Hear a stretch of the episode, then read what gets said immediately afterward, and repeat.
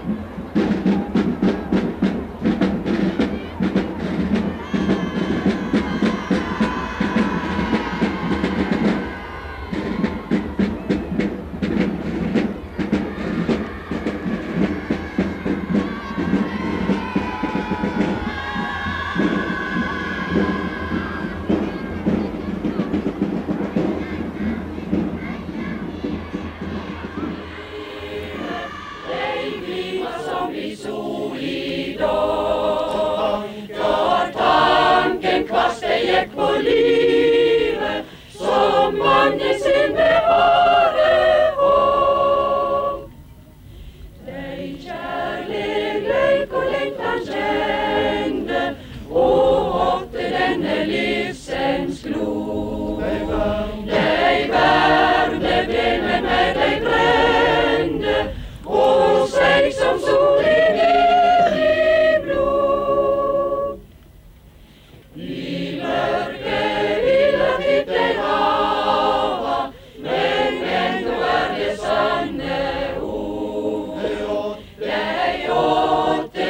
Sam Dima